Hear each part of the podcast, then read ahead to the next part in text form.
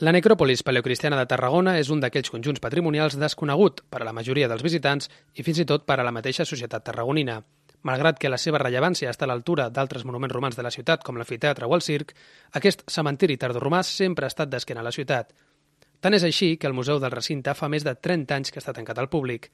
La directora del Museu Nacional Arqueològic de Tarragona, Mònica Borrell, remarca la importància d'aquest conjunt patrimonial, que és molt diferent respecte d'altres de la mateixa època.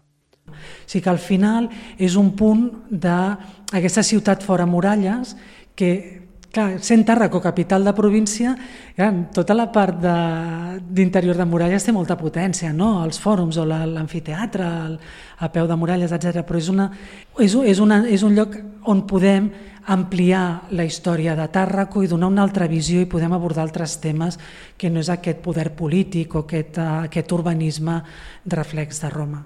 Ara, Cent anys després de la descoberta de les restes, les administracions públiques sembla que per fi es posaran mans a l'obra per a reobrir el recinte museístic i adaptar les instal·lacions al segle XXI.